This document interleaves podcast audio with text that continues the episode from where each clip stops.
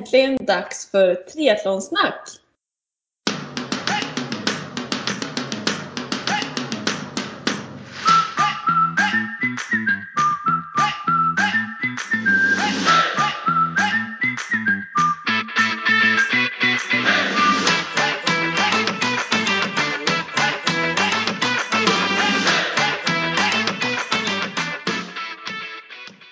Här är avsnitt 24 med mig Sofia Häger och Och med mig Therese Granelli. Hej Välkomna, Therese! ja, hej! Välkomna alla lyssnare. Till det Eh, nya året. Exakt. Jag sa ju just det innan här att eh, det känns som det var länge sedan bara för det var förra året vi spelade in förra avsnittet. Ett helt år sedan sedan sist. Ja, Ja. vad har hänt Ja. sen sist då? Ja, sist var jag i fjällen. Jag satt där och kikade ut över fjället som jag sa och hade, ja gud vad härligt väder idag. 17 dagar där uppe. Eh, så vi har väl kommit hem därifrån. Åkte hem på 13 dagen. Eh, och eh, ja, vad har hänt sen sist? Eh, kommit hem lite, kommit in i, vad kan man kalla det? Vardag, även om jag är hemma, ma- mammaledig. Men lite så, det blir ändå lite mer rutiner när man kommer hem. Ja. Eh, en hel del träning. Startat igång eh, mammaträning på gymmet här. Så det är vä- väldigt roligt. Vi har haft eh, två, eh, ja, två veckor helt enkelt. Då. Två tillfällen. Så det är väldigt kul. Ja, och jag har kommit igång och springa lite mer. Ja, jag ser det, du har kommit igång ganska bra va? Ja, det är så roligt. Jag har ju lite sån löp... Jag blir nästan, ja, vill bara springa. Ja. Men eh, det går bra. Eh, och jag var även på mitt sånt där återbesök hos eh, ja, med barnmorskan egentligen. Som man gör efteråt för att kolla så hur, hur man om magmuskler har gått ihop och man kollar bäckenbotten och allt ser bra ut och så. Och det hade gått ihop helt och hållet så det var ju jätte... När gör man det? Var det gått nu en månad eller? Nej, Två- det är två två månader. månader. Ja, precis, precis lite dryga två månader var jag där. Eh, Så eh, det var väldigt skönt att höra. Alltså man vill ju gärna få det från någon som kan och vet liksom. Och Ja men då får du ju liksom lite klartecken på något sätt. Ja men att det är exakt, så här kvitto på att eh, ja, men det, jag kan köra igång på riktigt och jag har verkligen lagt ihop nu liksom. Sen kan man ju känna att ja, men det känns bra men man vet inte riktigt. Och heter man Therese så är det lätt att köra på för mycket. Precis. Så, så det var väldigt härligt att få, få höra det helt enkelt. Ja men Eh, grattis då, bra jobbat. Ja, men tack. Och sen var, gav vi, det var ju då vi skulle ha ett möte här. om- Var det torsdags eller? Ja, det var Ja. roligt. Så skulle Viktor springa. Hade, jag, jag lägger ju Viktors schema. och så hade han ett Ja, det är så roligt. Och så eh, blev jag sugen på att liksom haka på. Och så bara så då fick han putta Malte för då blir det ju tyngre för honom så går det ju lite långsammare på honom helt enkelt. Tänkte jag, då Ja. hinner jag med. Men det blev lite, du vet, lite för långt och man känner att jag inte, det blev lite för tung belastning helt enkelt. Så jag, vid 9 kilometer typ, jag bara nu får vi nog promenera sista kilometrarna. så vi blev ju lite sena där så jag hann inte riktigt till telefonmötet för att jag var tvungen att gå. Nej. Optimist som jag är, jag bara det där hinner vi, inga problem.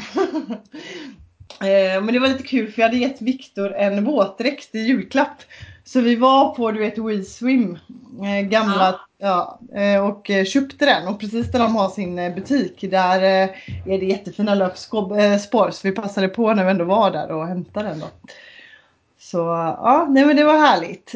Och vet, jag måste bara berätta vad galen grej vad jag gjorde idag. Det var inte så smart av oss kanske men Viktor hade då cykelpass på schemat. Ja. Och eh, skulle cykla med en kompis egentligen men så hade han eh, blivit sjuk. Och han, Viktor gillar inte riktigt att träna själv. Han är en sån här, vill träna med någon alltid. Eh, så hade vi, det var ju superfint väder idag. Eller här i Göteborg i alla fall. Alltså solen Ja. verkligen, ja, sken som bara det. Eh, så vi har varit i skogen hela dagen och grillat korv och med mamma och min lilla syster och ja, haft jättemysigt. Och sen när vi kom tillbaka så skulle Viktor ge sig av. Och så kollade han på mig och bara Men du ska inte hänga med då? Mormor kan ju vara barnvakt typ. Jag bara Oh. Ja, det ska jag nog. så jag har liksom inte typ kört min eh, eh, tempocykel, jag vet inte, typ knappt förra säsongen. Det var när jag var hos dig där och hälsade på, det är typ sist liksom. Ja. Eh, så jag hoppade på den och grejen var att eh, vad var klockan tre? Vad- När blir det mörkt? Kanske halv fem. Och när det är så här fint väder som det är så blir det faktiskt ganska kallt när det är högtryck. Eh, så, och det tänkte vi inte riktigt på för det var ju jättevarmt i solen då på dagen, eller vid tretiden.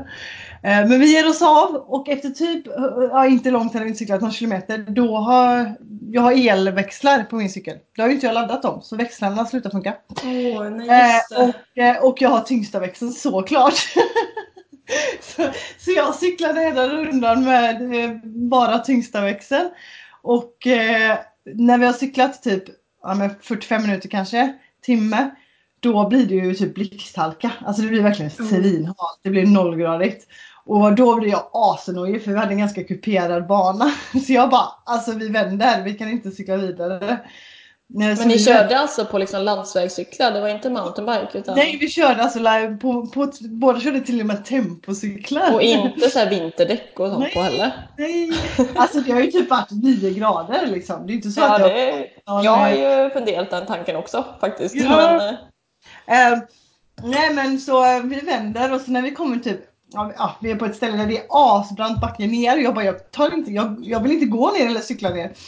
Så kom jag på att jag har en gammal kollega som bor precis där så vi gick in till honom och knackade på och bara kan du köra hem oss? Skjuts hem och vi cyklade typ Vi hade nog varit ute i en timme och 20 minuter och typ cyklat, eh, jag vet inte, två och en halv, tre mil knappt. jag- ett, ett bra cykelpass då i alla fall. Ja men exakt, jag, jag cyklade tempocyklet. Det kändes väldigt bra för övrigt då utan att jag inte kunde växla. Ja, men kul ändå, nu är du igång. Ja precis, nu är jag igång och eh, jäkligt roligt. Mm. Får eh, mormor vara barnvakt oftare antagligen. Precis, det blir svårt att, svårt att med Malte på cykeln kanske. Ja, det är, den är lite liten för att dra än så länge. Jag får vänta lite. Själv då? Nu har jag pratat länge här. Hur, eh, hur har dina veckor varit sen sist? Jo, men jag är ju frisk från förkylningen då som jag hade sist i alla fall. Mm. Den var inte så långvarig som, det, som vi sa, det brukar inte bli så långvarigt på mig heller. Skönt. Eh, så kommit tillbaka till rutiner, jobb och träning och ja men det känns bra. Mm. Nya året, på- liksom. är du taggad? Ja men faktiskt. Jag är taggad på att bli hel, taggad på att träna bra, att det ska gå bra på jobbet, allting. Så Härligt. Ny Ja. energi. Mm. Precis, nej men cykelpassen har faktiskt gått väldigt bra. Som jag har sagt innan har jag ofta haft svårt för typ så här intervaller och eh, pressa mig själv. Oj, nu försvinner rösten. När jag liksom kör själv. Mm. Men nu får jag ju pass från coachen. Så här, det känns så dåligt att inte klara av dem. så nu har jag i alla fall verkligen försökt och inte gett upp när jag liksom har sett passupplägget utan försökt att köra dem och jag klarar dem ju. Ja du, och cykel, du är så jävla stark på det som sagt. Du är galen vad du trampar wattrekord hela tiden. Ja men så att det har varit svinkul när jag faktiskt haft en vecka nu då. Tre cykelpass som jag har klarat av allihopa. Kul! Utan att jag sen mentalt inte har klarat dem. Nej. Även om jag På fysiskt tal klarar dem. om cykel så testade jag Ja. Swift första gången i mitt liv också förra veckan. Det var ju Kul. asroligt. Ja, Ja. och så tog jag någon sån här tävling. Du vet det fanns typ uh, Tour de Swift just nu eller något sånt där. Ja. Eh, så jag körde och så roligt att välja en sån här men du vet Men det var typ 16 kilometer allt du kan ungefär. Alltså jag cyklade i 30 minuter så jag höll på att dö. Jag tog i så att jag, jag tror jag hade maxpuls i en halvtimme. Ja. Men eh, så hade jag ju aldrig pressat mig själv om inte eh, om det inte hade varit tävlingen. Så det var ju jävligt bra. Alltså så. Ja, jag men många- satt, satt Många så. gillar ju Swift på grund av det. För att det Ja. hjälper till en att liksom pusha en själv. Eh, men annars så nu till helgen ska jag till Skövde igen. Få lite simteknik med coachen och träna med Tanja och några andra där. Det ska bli jättekul. Men annars så har jag inte så mycket nytt. Nej. Så vi kanske ska ta och hoppa in till dagens eh, gäst eller dagens intervju. Det tycker jag. Eh,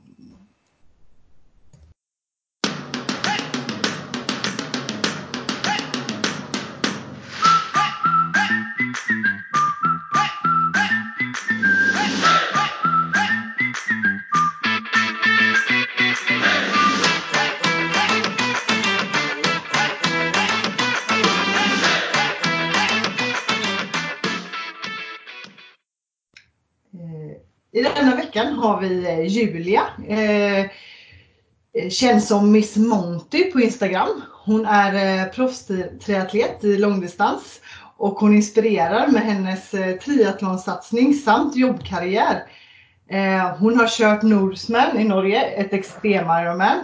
Eh, men vi ska låta henne själv berätta. Så välkommen Julia! Tack så jättemycket! Jag måste fråga hur man uttalar ditt efternamn. Jag, vågar... jag, jag tänkte att du, du undvek att säga hennes efternamn. jag bara, hon säger det själv sen. ja, men så, det, det, det är inte jättesvårt. Eh, Montgomery. Montgomery, ja. ja, ja. Coolt. Vad Sa jag rätt på Missy Mounty? Är det så du uttalar Instagram-namnet eller? Ja, Miss, Miss, Miss Monty. Miss Monty, ja. Ja, ja. ja, det är bra. Så det blir rätt liksom. Ja, det är bra. Eh, jag vill börja med att bara låta dig berätta lite om dig själv. Typ ålder, var du kommer ifrån, livssituation. Precis. Mm. Eh, nej men som sagt, Julia Montgomery heter jag. Jag är 75 eh, år gammal och eh, just nu, eller ja, framöver, boende i Stockholm. Men uppvuxen i eh, Småland, i en liten stad som heter Sävsjö. Som väl egentligen tillhör kanske den, en av de mindre städerna i Sverige. Mm. Och bodde väl där fram tills jag var typ 20. Och sen flyttade jag ner till Skåne och har egentligen bott ja, hela mitt vuxna liv nere i de skånska delarna. Först i Helsingborg, sen en sväng i Lund där jag pluggade för att sedan flytta till Malmö ehm, och bodde där fram till 2017, på ja, slutet 2017. Sen så drog jag en liten, en liten vända till Chicago 2018 för att sen landa här i Stockholm numera. Okay. Så det har varit en liten eh, ja, men en resa i form av att man har bott på, eller jag har bott på lite olika ställen. Verkligen. Vad gjorde du för sväng i Chicago måste jag fråga då, lite bara nyfiken. Ja, Var det jobb? Det, ja, precis. Så att jag fick förfrågan av, mina, av min chef om jag ville åka över och jobba med samma, egentligen samma tjänst som jag har här i Sverige, men på den amerikanska marknaden och försöka få kundbasen att växa med den Eh, ja, den mjukvaruprodukten som jag då säljer och jobbar med där borta. Så det var ju en eh, jättehäftig eh, utmaning och resa som jag tog med an där 2018. Coolt. Och hur hamnade du i Stockholm då? Sen? Ja, jag tänkte säga det samma företag. ja, nej men så att det, det är sambon som flyttade till Stockholm. Um, så, liten, han flyttade till Stockholm från London, jag flyttade till Chicago och sen då så ja, blev det att jag flyttade till Stockholm då såklart när jag valde att flytta tillbaka till Sverige ifrån USA. Så ehm, det är inte någon av oss som har Stockholms rötter ifrån början, men sen har mitt jobb, eh, så det jobbet som jag har utöver min triathlon del är eh, ett svenskt bolag. Så har de kontor både i Malmö, där jag tidigare bodde, och nu också då i Stockholm. Så det var en ganska naturlig del för mig att, att flytta till Stockholm utifrån jobbsituationen också. Eh, då mitt team sitter här på plats på huvudkontoret i Stockholm. Ja, det är ju superbra. Verkligen grymt bra. Man hör ja. att du inte är från Stockholm kan man ju säga då när du pratar. ja, nej, nu börjar jag vet inte vilken dialekt jag nu nej. Jag har haft lite olika vändor av lite skånsk inblandning och småländsk såklart. Man hör nästan att det är en blandning av det faktiskt, båda två. Ja. ja. Men hur ser din bakgrund ut då om vi tänker både sportsligt och kanske mm. karriärsmässigt? Ja, nej men så sportsligt så har jag väl egentligen hållit på med någon form av idrott stora delar av livet. Eh, spelade handboll när jag var yngre. Eh, Sävsjö är en väldigt framgångsrik, eller var en väldigt framgångsrik handbollsstad på 90-talet. Så att spela handboll som, som 10-11-åring var en självklarhet. Så det gjorde jag fram tills jag var 16-17. Men jag brukar säga att det roligaste jag tyckte var nästan eh, löpträningarna som vi hade innan själva eh, handbollsträningen. Och, Känner man igen. ja, nej, men jag var väl inte den här klassiska lagspelaren utan jag har alltid haft en fallenhet för att kunna gå in i, ja, men liksom i, i mig själv och utföra någonting och hålla på med det ganska länge. Så att vara ute och springa för sig själv har jag alltid tyckt varit väldigt både rogivande och enkelt. Det är inte alla som har den möjligheten eller tycker så att många som kanske spelar fotboll tycker det är svårt att börja springa för att man har ingen boll att jaga till exempel. Och så kunde det ju varit för mig också i och med att jag spelade handboll men som sagt jag tyckte att löpträningen var minst lika kul. Eh, så sen, och sen har jag väl egentligen varit en sån här vanlig motionär. Ehm, gjort lite olika löplopp. Ehm, sen så Fan Lidingöloppet har jag gjort ett par gånger. och lite sådana olika millopp. Men det har egentligen aldrig varit någon renodlad atlet på liksom ett specifikt område utan bara tyckt att det har varit väldigt kul och um, ja, utmanande att liksom hålla på med träning. Där löpning egentligen har väl varit det som har varit min absolut, vad ska jag säga, eh, största del. Cyklade lite mountainbike på gymnasiet men det var också mer för att hålla, ja, men göra någonting annat och jag tycker om att vara ute i skogen och hoppa och studsa. och det var väldigt kul att göra det med mountainbike också. Men sen så eh, ska vi se här. Ja, men sprang Stockholm Marathon 2008, så någonstans där så börjar väl de här långa loppen bli mer och mer, eller långa distanserna bli lite mer intressanta. Hur gammal var du då? 2008? Då var jag 24. Ah, Okej. Okay. Mm. mm. Jag är född 84. Så det, och då hade jag liksom, men, satte mig på en plan, jag skulle springa på si och så lång tid och följde den här planen väldigt eh, nitiskt får man väl säga. För det gjorde jag. Um, och det gick väl egentligen så som det var tänkt. Men jag hade ju heller ingen bra koll på det här med, ja, nu är jag ju såklart äldre för det är ju eh, 12 år sedan. Så att man har ju lärt sig ganska mycket längs med vägen. Men just det här att man tar sig an någonting på egen hand och jag kanske inte riktigt tänkte efter och var så lyhörd på kroppens signaler i det fallet. Att året efter så hade jag ju hälseneinflammation och liksom hela den mm. den resan att ha hand om det då efteråt. Just för att man kanske inte riktigt tänkte efter och kände efter på samma sätt. Nej. Men oavsett så fick jag ju upp ännu mer intresse för det här med att utmana mig själv mot eh, längre, eh, längre distanser och se lite vad kroppen kan göra utan att man ja, tycker att det blir långtråkigt eller att man tappar intresset.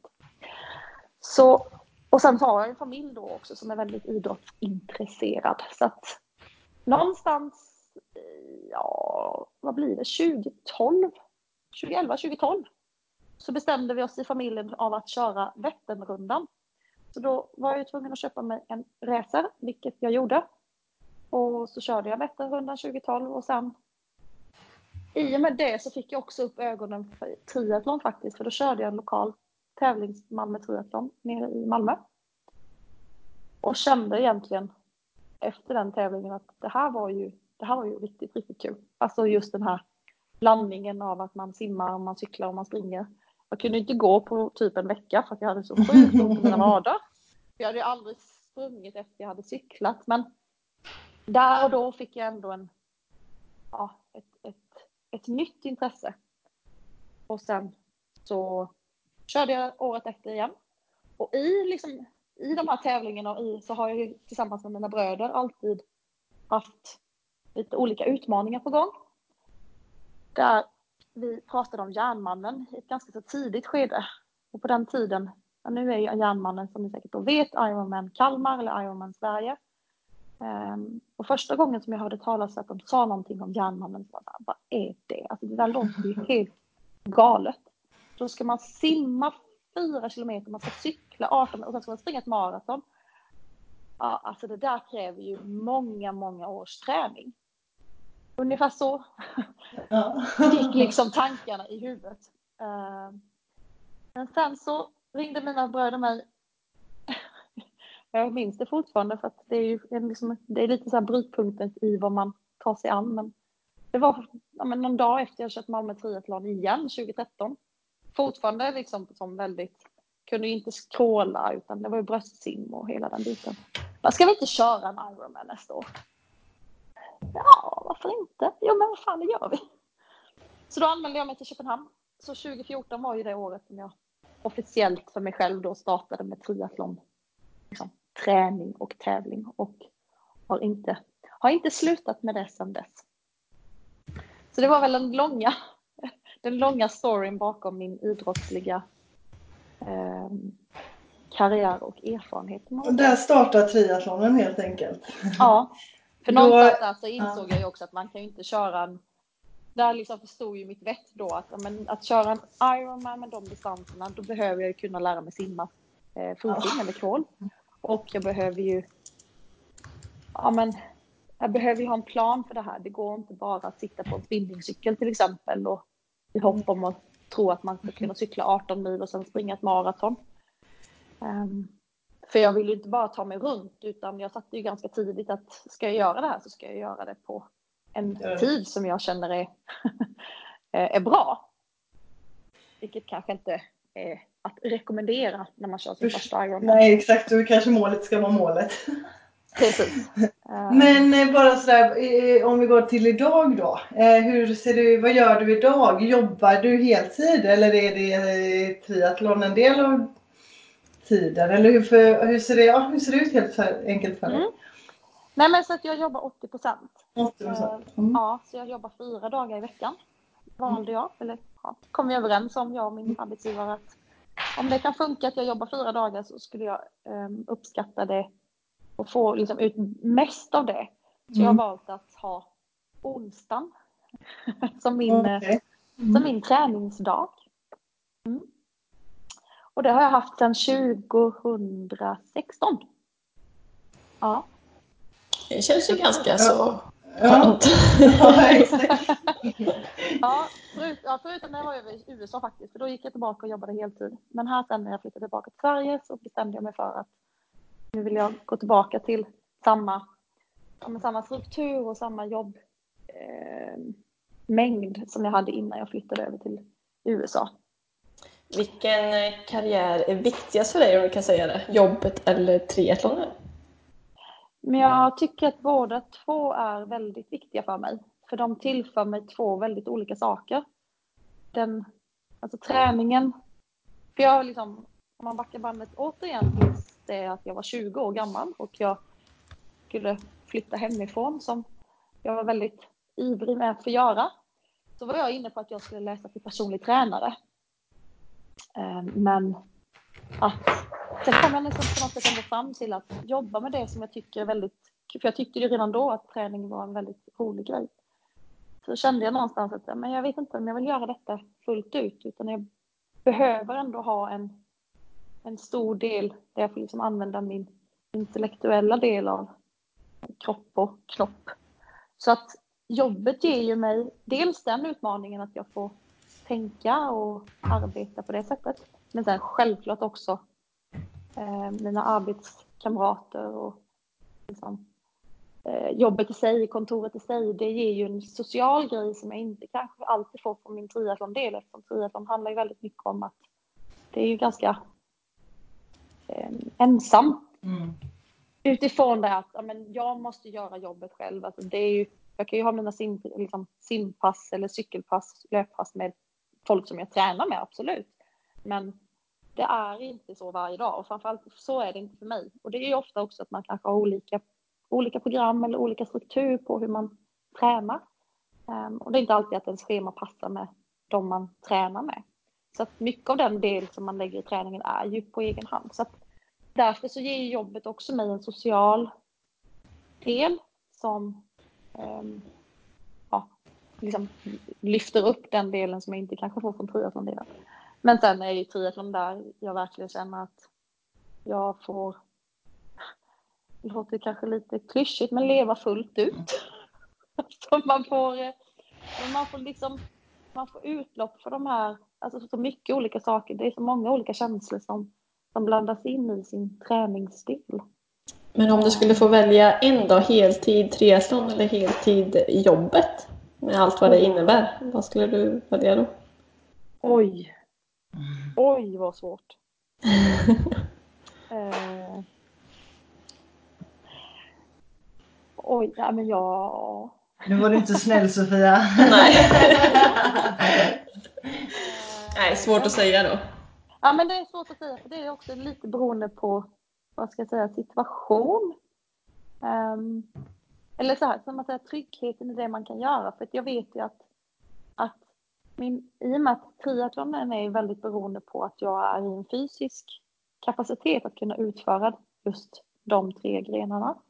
Den, och sen finns det såklart en fysisk kapacitet i min, liksom i min jobbsituation som också kan göra att jag kanske inte kan göra samma sak imorgon. Det, så kan det absolut vara, men jag tror snarare att jag kan eh, ja, men jag, liksom, jag växer på två olika sätt i både triathlon men också i mitt jobbsammanhang. Ja, nej, men jag förstår absolut. Eh, men det är klart, så här, liksom, jag skulle inte ha svårt att bestämma, ja men nu tar, nu liksom, att köra några år och bara köra triathlon. Eh, men jag skulle, eller jag skulle inte att jag, jag, jag, då skulle jag kunna göra det imorgon om jag skulle tycka att det var så enkelt och det har jag helt tydligt inte gjort. Eh, och det är, jag behöver ha en liten del av den där jobbdelen in i min vardag. Faktiskt. Men nästa fråga då, hur, mm. hur får du till återhämtningen med jobb och så hög träningsbelastning? Mm. Känner du att du, ja, vad är ditt knep? Ja, men knepet är väl såklart att dels att man, är, att man håller på med en sport som är relativt flexibel. Um, där man um, har, då jag, som i och med att jag alltid har tre olika grenar som jag kan höll på att välja och vraka mellan så är det inte riktigt. Men jag har ju tre grenar så att känner jag mig sliten um, så kan jag alltid välja att kanske köra ett rullpass på cykeln. Och det kan ju också hjälpa mig i min återhämtning både från en liksom, lång arbetsdag men också kanske från tidigare hårda träningspass som jag kört dagarna innan. Um, och sen så jobbar jag ju med en coach som såklart planerar mina veckor utifrån bästa möjliga förmåga.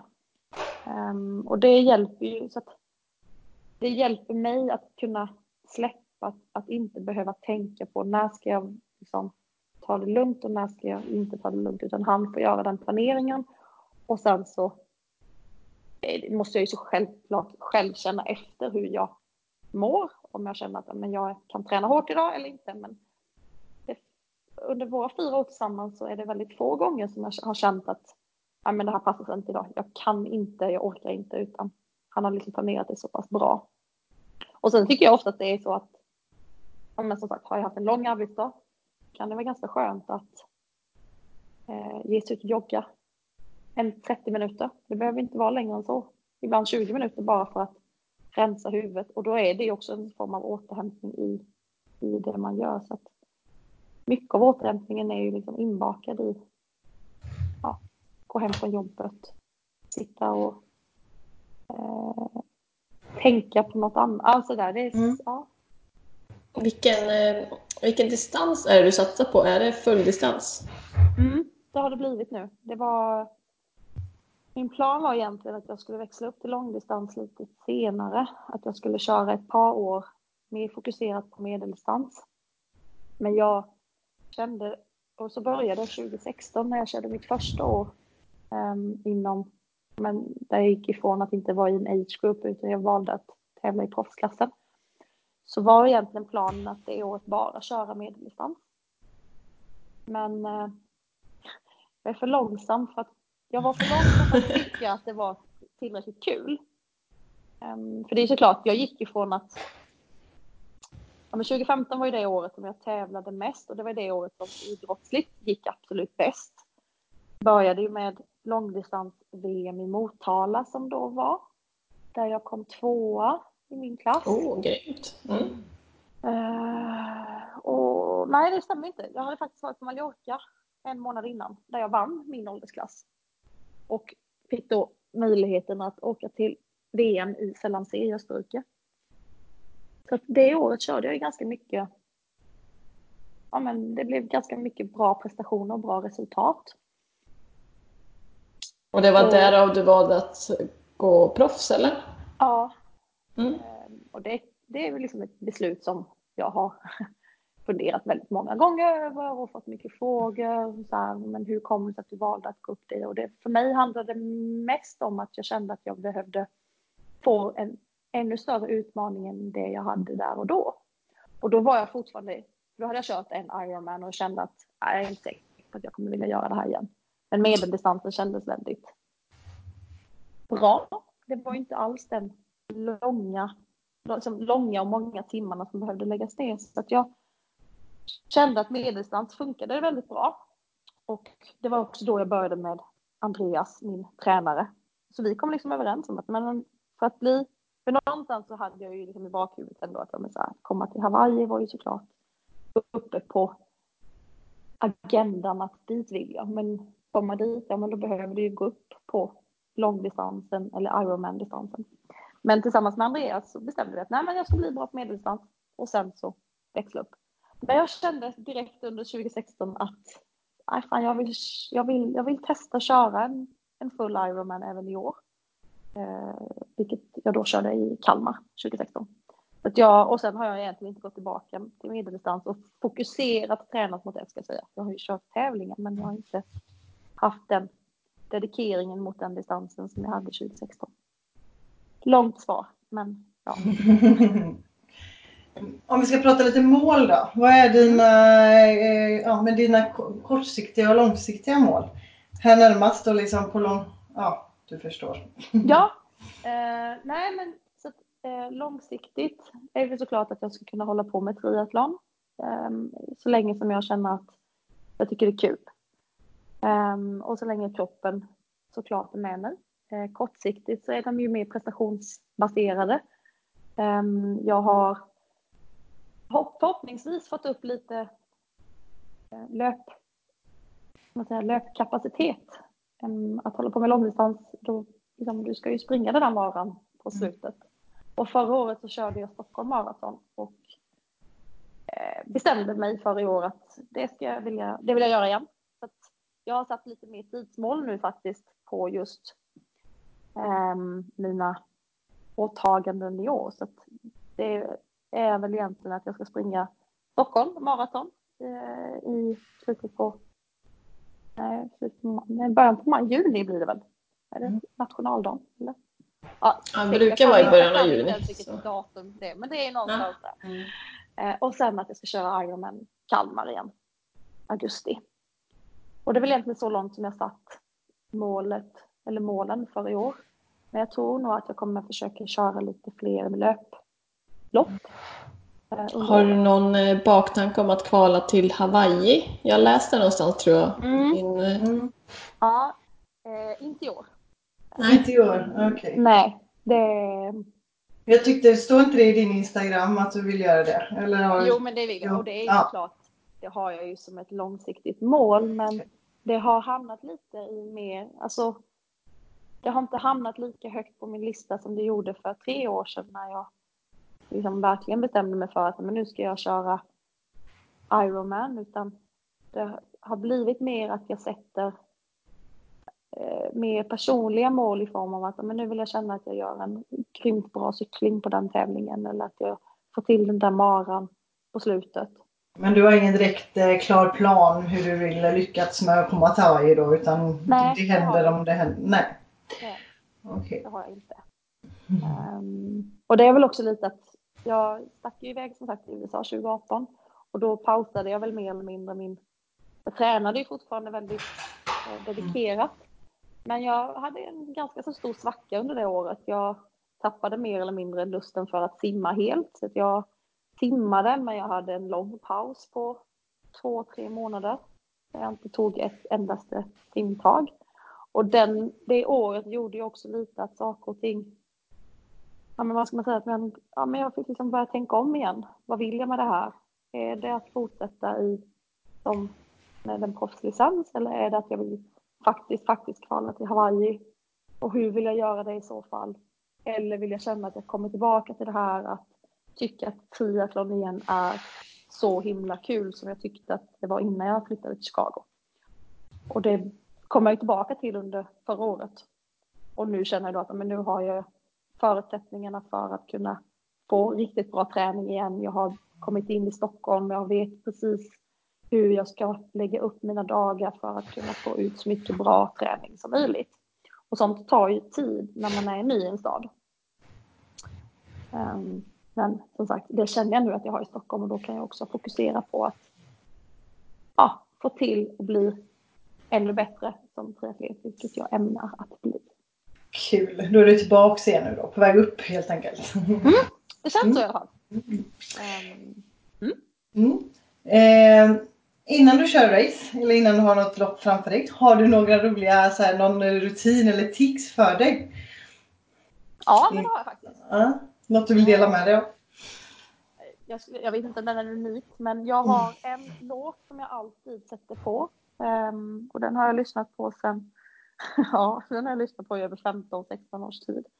Men det är en eh, technolåt som spelas, den är ungefär 6,5 minuter lång och så går den på repeat, repeat, repeat.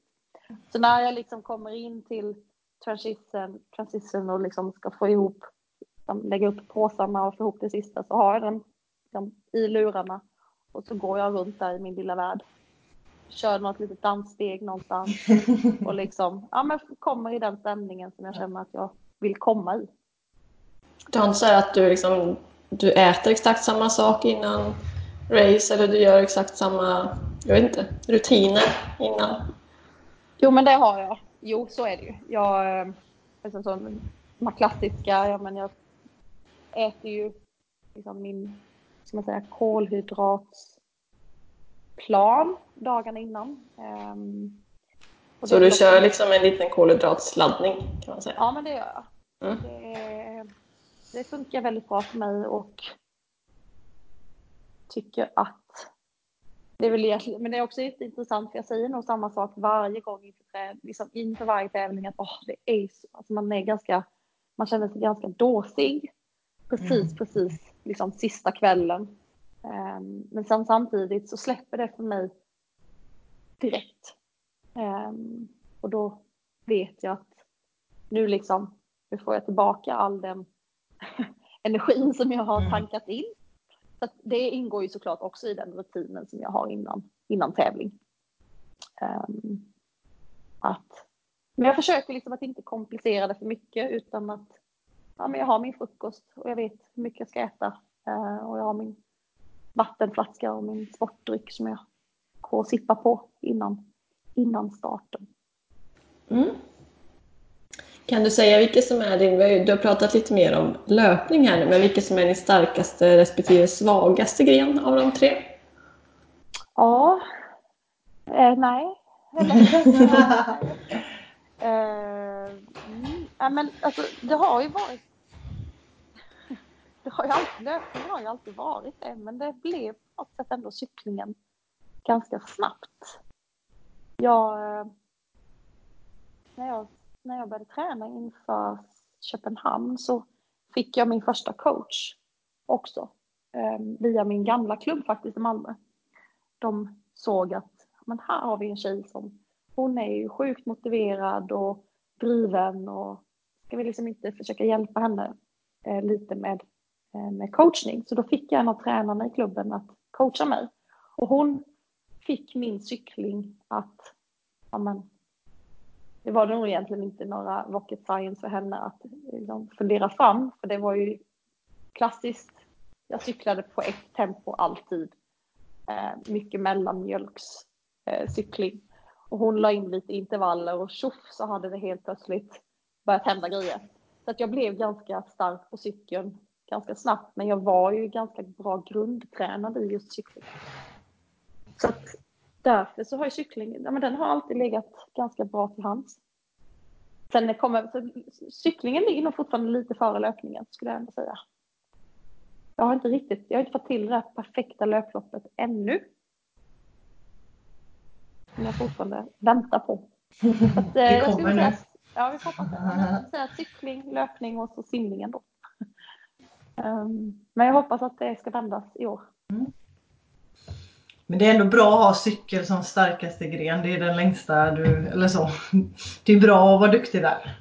Men så är det ju. Och sen är det ju väldigt svårt att, ja, men som jag som inte har någon av grenarna som bakgrund, Nej. så är det ju svårt att bli liksom bra i alla tre grenar mm. på en gång. Och det där har väl varit en successiv förbättring. Ehm, så förra året så knäckte jag ju timmen på min simning. Jag ehm, knäckte min löpning. Inte då på, för nu körde jag ju bara Norseman förra året. Jag körde ju inte någon renodlad Ironman-distans. Men då körde jag ju Stockholm Marathon och gjorde den på 3.09 utan några utan några jätteinsatser i form av att jag liksom tränade dedikerat för den tävlingen. Jag tränade ju såklart mycket löpning eftersom det ingår ju i mina eh, dagliga träningspass eller veckopass. Men att jag då också har lyft, jag hade lyft löpningen några nivåer utan att ha fokuserat på det, så kan vi säga. Eh, har du någon coach idag? Vill jag bara säga nu just nu eller? Mm. Mm. Jag har samma coach som jag hade 20, som jag började med 2015. Eller, ja. Så du har jobbat med honom eller henne hela tiden fram till nu? Det har jag. Kul! Bra samarbete helt enkelt. Ja, och vi känner ju varandra så väl nu Mm. och det är väl klart att eh, det, det skulle säkert finnas mm, fördelar för mig att, eh, att kanske byta coach. Men samtidigt så, ja, men som jag sa, Andreas då som han heter, han har ju varit med mig i alla de här olika skedena i mitt liv som har präglats av liksom lite olika flyttar och jag har bott där och där och han har ju på något sätt också varit en ja, men han är ju såklart en väldigt nära vän också. Och jag, jag trivs väldigt bra med Andreas. Vi, vi fungerar väldigt bra ihop. Och han är väldigt duktig också som coach. Så att ja, jag fortsätter med honom ett tag till. Hur eh, ser en vanlig träningsvecka ut för dig? Om man kan säga vanlig. Hur ser en standardträningsvecka ut? Eh, ja, men den är väl ganska, ja, jag säga, måndagar. Ja, men så här, oftast, jag tränar inte alltid två pass om dagen. Det gör jag inte. Ehm, försöker ha någonstans mellan fyra och fem simpass i veckan. Mycket. Och sen har jag då, jag simmar med en simcoach här i Stockholm. En, ett pass i veckan och sen har jag ett pass med min triathlonklubb. Ett distanspass. Det är två pass som är både med andra och med ehm, ja, men där liksom det är lite fokus på distans på det ena och sen är det mycket fokus på fart och teknik Ja. Mm. eh, med simcoachen då man säger. Och sen de andra två eller tre är ju lite blandat. Eh, ganska mycket lugna pass också för att hålla volymen men och träna mycket teknik.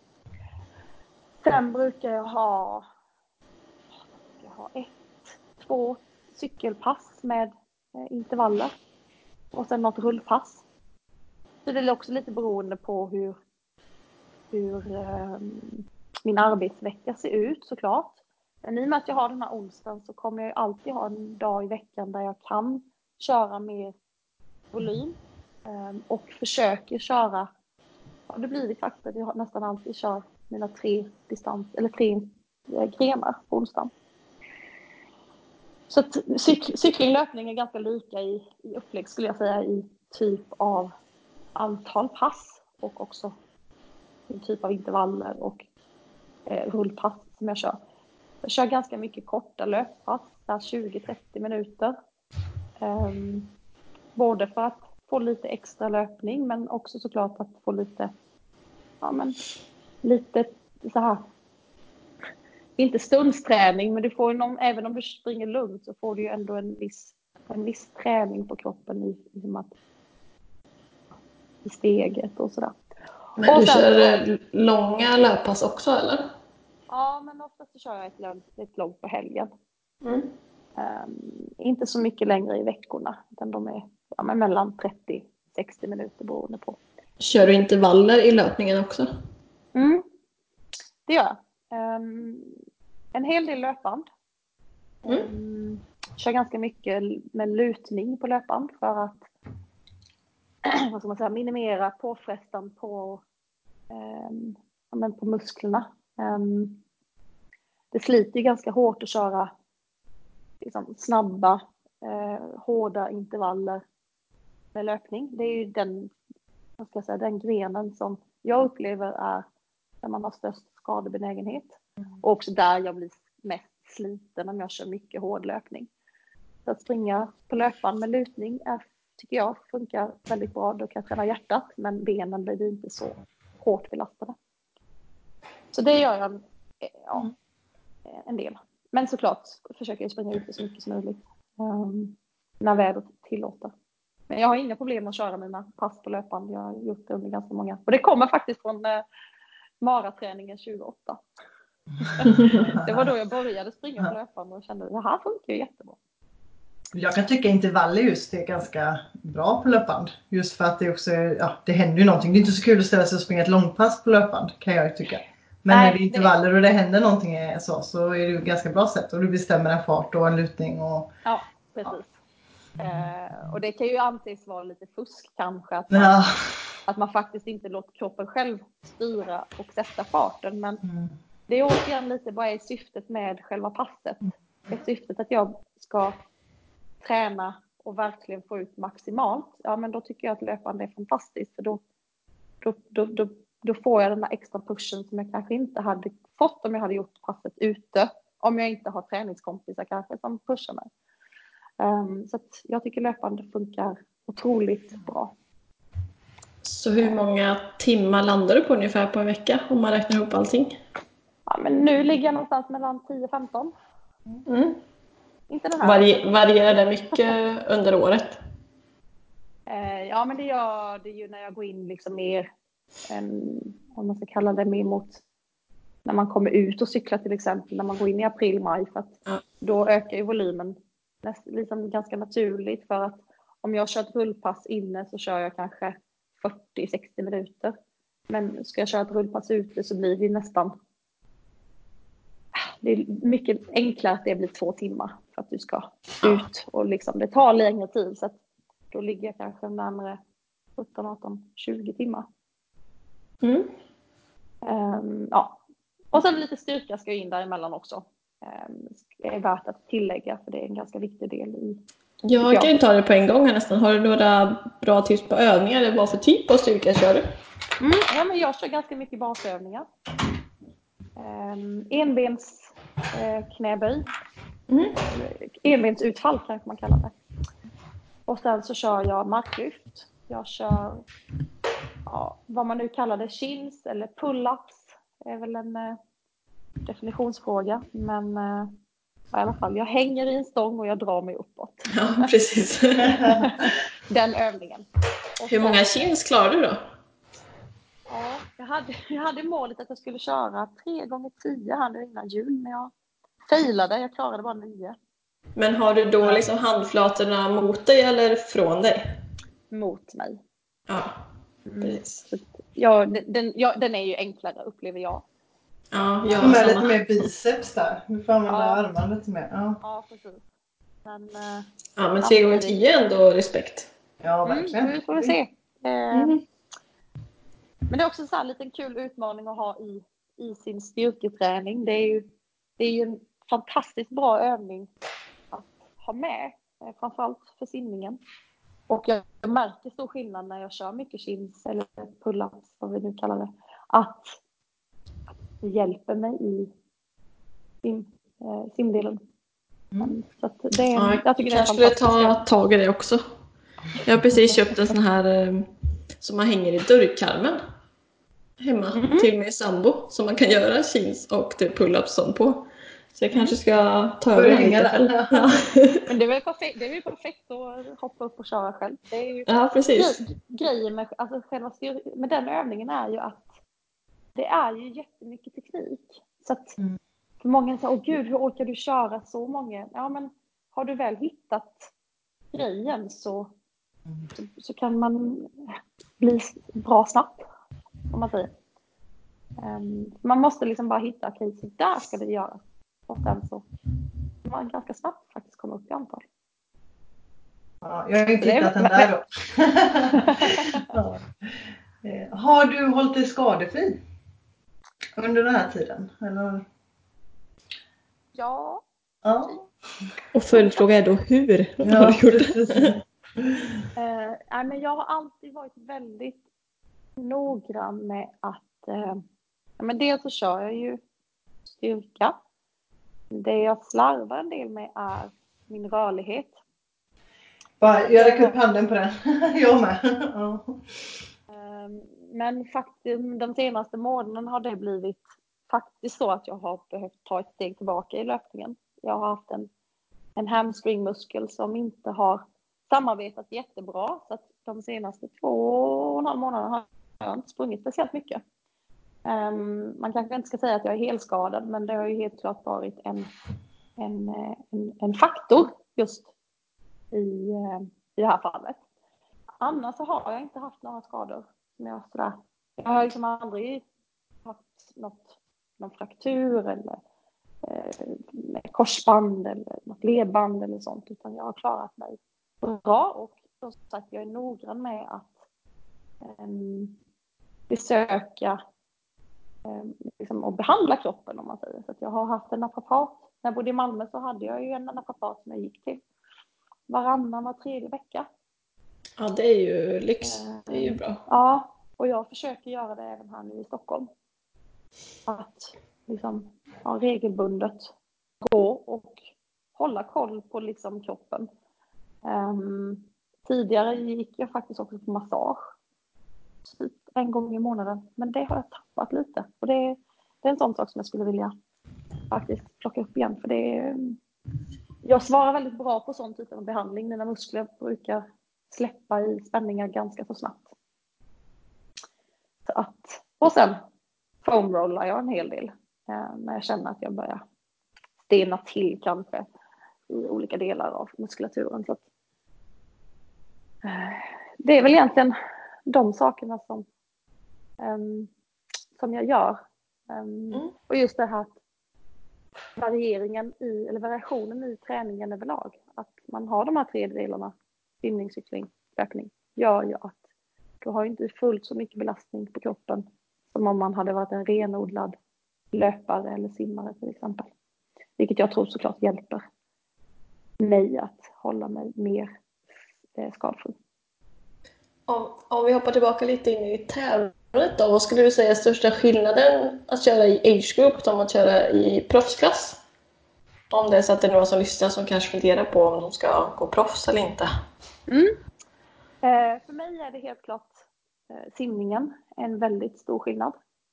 Mm. Som age group så har man ju oftast en mängd människor som du startar simningen med.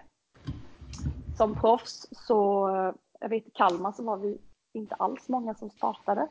Och vi startar ju alltid före alla age groupers. Så att, att ha en simklunga som du kan följa fina fötter, det, det har aldrig existerat för mig. Mm. och det är ju såklart att jag är ju ganska så liksom, förhållandevis dålig simmare utifrån de personer som jag tävlat mot i mina Ironman som jag har ställt upp i. Så jag har ju fått köra mm, liksom, alla mina simningar helt själv. Och det gör ju också att man tappar, när du väl då kommer upp på cyklingen så har du ju inte riktigt lika, eh, vad ska man säga, du har inte lika nära till de, liksom, dina konkurrenter som är framför dig. Så det tar ju ett ganska långt tag innan man kanske kommer, kommer ikapp. Så det är en jätteskillnad med simningen. Um, sen så tycker jag ju att fördelen som jag, som jag fortfarande tycker är ju flexibiliteten som jag kan ha i mitt tävlande. Um, jag behöver inte planera ett år framöver vilken tävling jag ska köra utan jag kan planera det mycket mer utifrån um, ja, men situationen, hur jag känner mig i min fysiska form. Det är såklart att jag har ju en, en grundplan eh, I år är grundplanen att jag ska köra Kalmar. Men det kan ju också visa sig i sommar att saker och ting skiter sig i att jag kanske, ja, det kanske inte alls funkar med Kalmar. Då har jag möjligheten att kunna köra en tävling senare i höst. Utan att liksom ha förlorat den investeringen eller de pengarna på det sättet. Och den träningen. Det är ju en ganska så dyr sport överlag. Så att det tycker jag är en fördel för mig att jag kan planera det mer. Samtidigt som jag också triggas liksom, att fortfarande få tävla mot de bästa. Um, I många sammanhang. Så tycker jag att det är, ja, jag tycker det är en, en, en det, det, det, pushar mig. En, en positiv skillnad då? Mm, ja, att, att gå proffs verkar som. Ja, ja. Mm. Um, helt klart. Eh. Men sen så som sagt. Um, är man, är man, är man, är man det kan ju vara en positiv grej också att vill man inte ha massa fötter som är runt omkring och sparkar så ja. är det ju som sagt bättre. Men uh, det är klart att det ställer ju höga krav på dig själv också för att det, ditt psyke tror jag kan få sig större utmaningar just med att, ja men som min första tävling, jag var ju supersist Um, fram till liksom en bit på löpningen. Supersist kanske inte är rätt ord, men jag var ju liksom bland det liksom lägre segmentet. Och det är ju såklart en tuff... Alltså, man, man, alltså jag jobbar ju från underläge, men samtidigt så är det ju också en push att kunna få se ja, men hur jag jobbar mig uppåt här nu i fältet och faktiskt eh, plocka placeringar som då eh, triggar mig eh, framförallt. Mm. Kan du beskriva ett eh, favoritpass i varje gren träningsmässigt nu? Mm. Mm. Ja. Oj. Um, nu kommer min, min tränare, om han skulle höra det här, han kommer skratta åt mig. Det, fin, det, det, finns en kommentar på mitt cykelpass som jag snart kommer säga. Men mm. just nu så är jag faktiskt mest förtjust i 200 på simningen. Mm. Um, ja, men klassiskt att man kör 5 eller 10 gånger 200 och håller liksom en ja, stabil, um, vad man säga, stabil pace. Det tycker jag är ganska kul för det är liksom ett bra pass att också jämföra med lite så dagsform.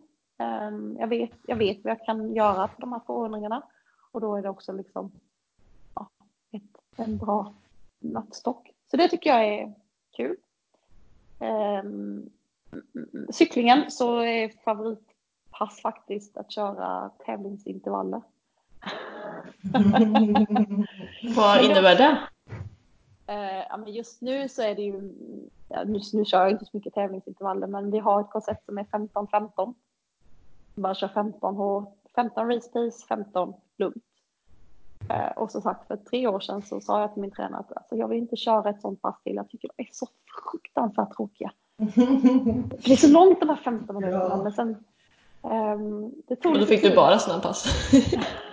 ja, men det är inte viktigt att du kan köra 10 minuter, du kan köra 8 minuter, men du måste ändå köra liksom en viss liksom en tid. Jag bara, ja, jo, jo, det förstår jag också.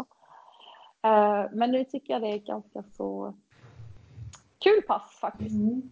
Um, för det är både det här med att se lite hur bra är jag just nu. Samtidigt som det inte är, det är inte stenhårt. Så att jag är liksom inte kräkfärdig efter ett sånt pass. Det, så hårt ska det ju absolut inte vara. Um, så det tycker jag också är ett kul pass att köra. Uh, jag är ganska en, alltså jag är ganska enkel och gillar liksom enkla, mm. enkla pass. Där jag inte behöver tänka speciellt mycket.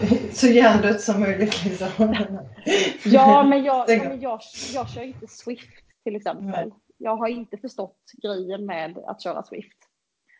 Eh, så att när jag kör mina, eh, om jag har långpass, nu har jag inte så starkt så mycket långpass i cyklingen, men om jag har det, mm. det är jag, musik och min dator, eller alltså min cykeldator.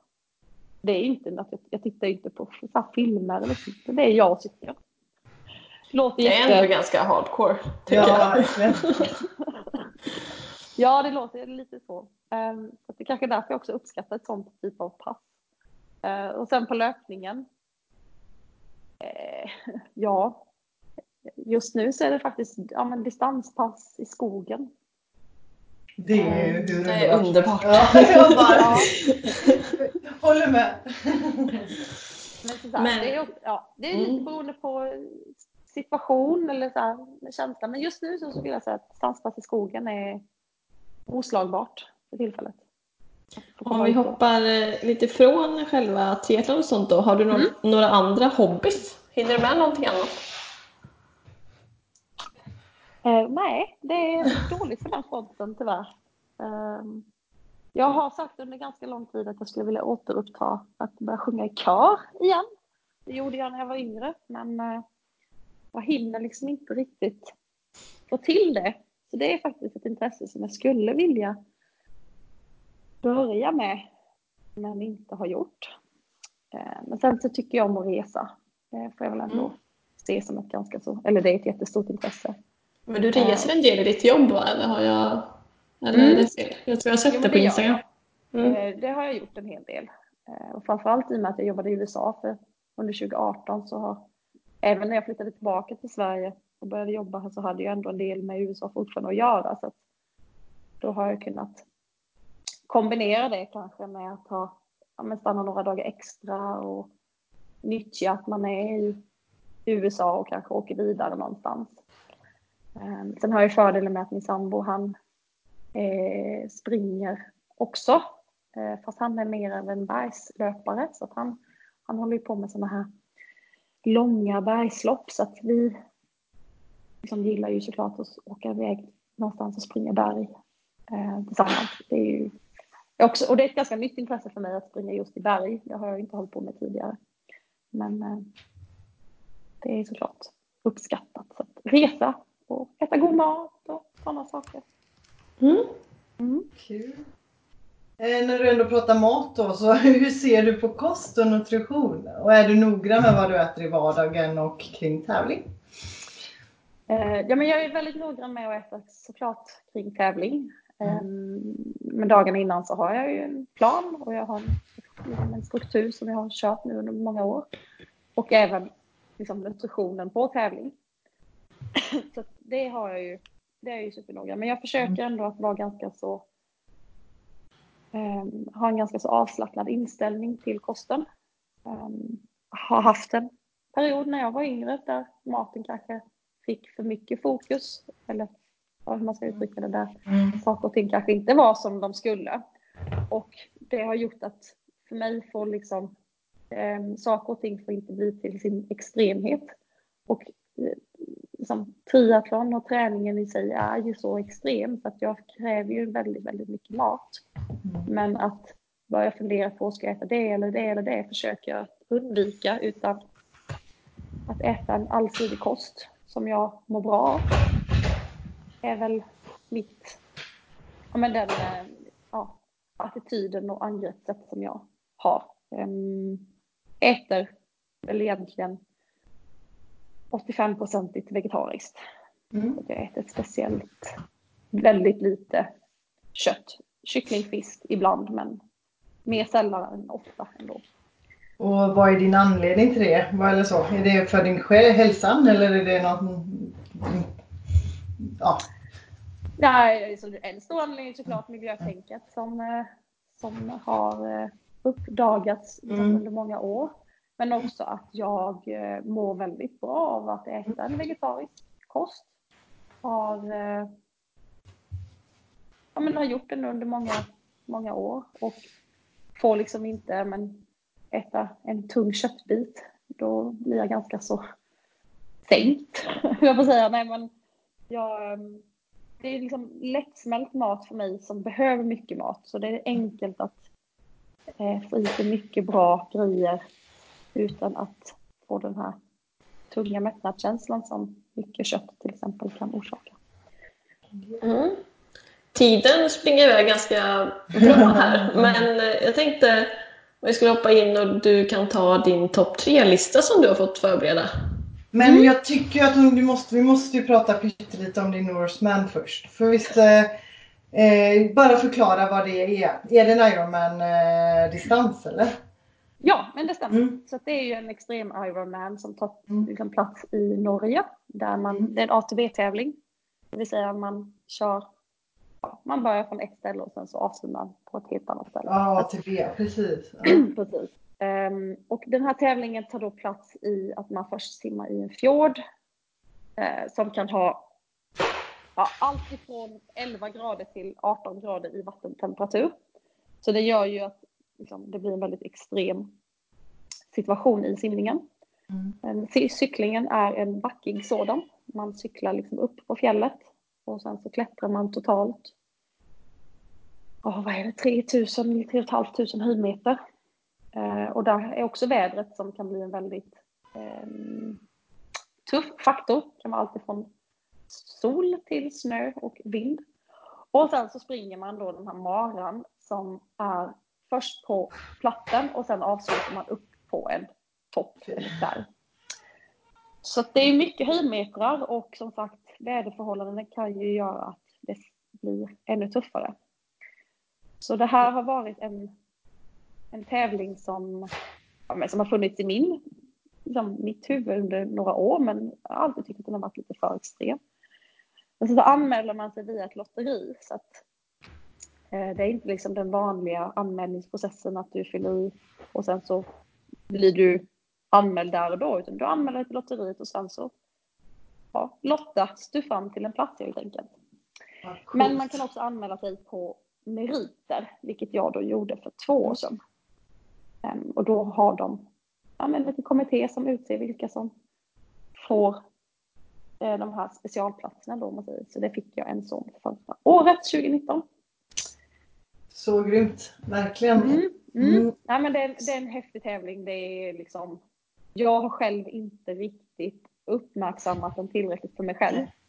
Um, och det är ju också för att jag har bara kört den en gång. Jag tror att ska jag kunna göra det så behöver jag köra den fler gånger för att när man kommer upp på toppen, det är inte alla som får gå upp på toppen heller ska tilläggas.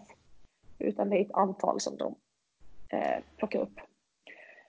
Av totalt, vi var väl cirka 350 startande eller 400 startande totalt förra året. Eh, men de som då sprang med mig upp för toppen, eh, min sambo bland annat, liksom, de var ju helt alltså, lyriska ja. över när man kom upp där och jag själv var så här, oh, ja, ja, helt. fattar liksom inte vad man precis har åstadkommit. Nej. Så att det är ja, men en sjukt häftig tävling, verkligen. Jag tänder ju också på så här galna saker så det hade varit ascoolt att göra verkligen. Men eh, bara så här, sista grej på frågan innan vi ska gå till topp tre. Eh, hur mm. jobbigt var det i förhållande till en vanlig Ironman? Om du bara så här, hur många, ja, går det att jämföra liksom?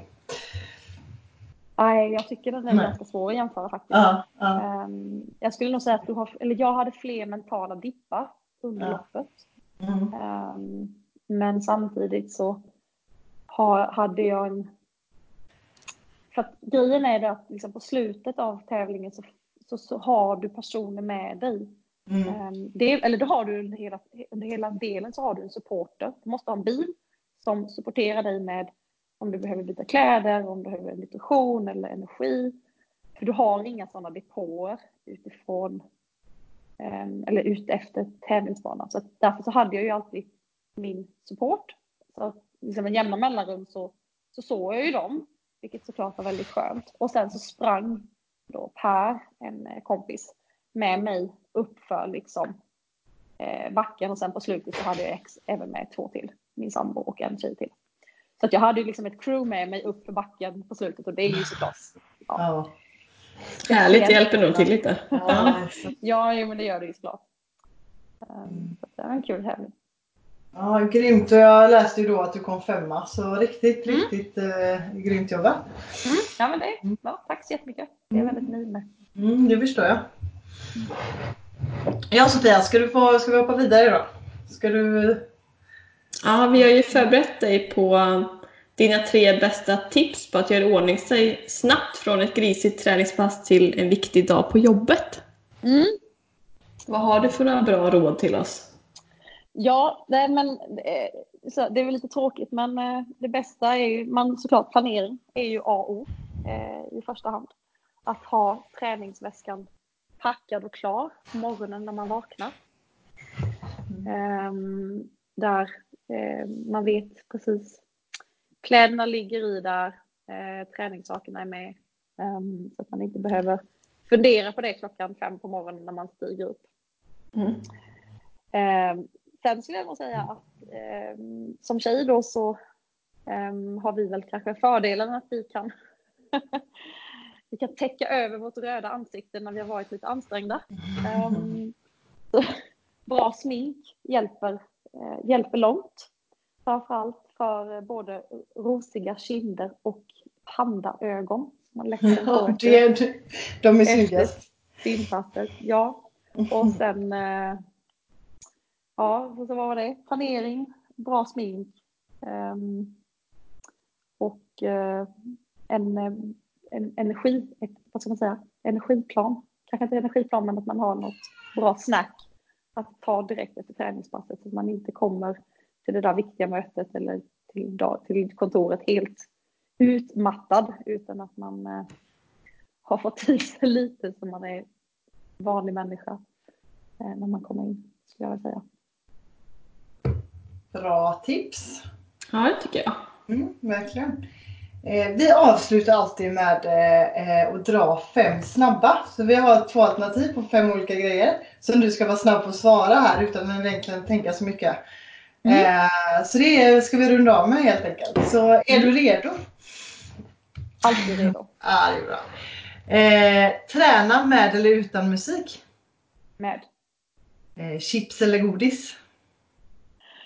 Uh, chips. Sprint eller olympisk distans? Olympisk. Eh, skavsår eller håll?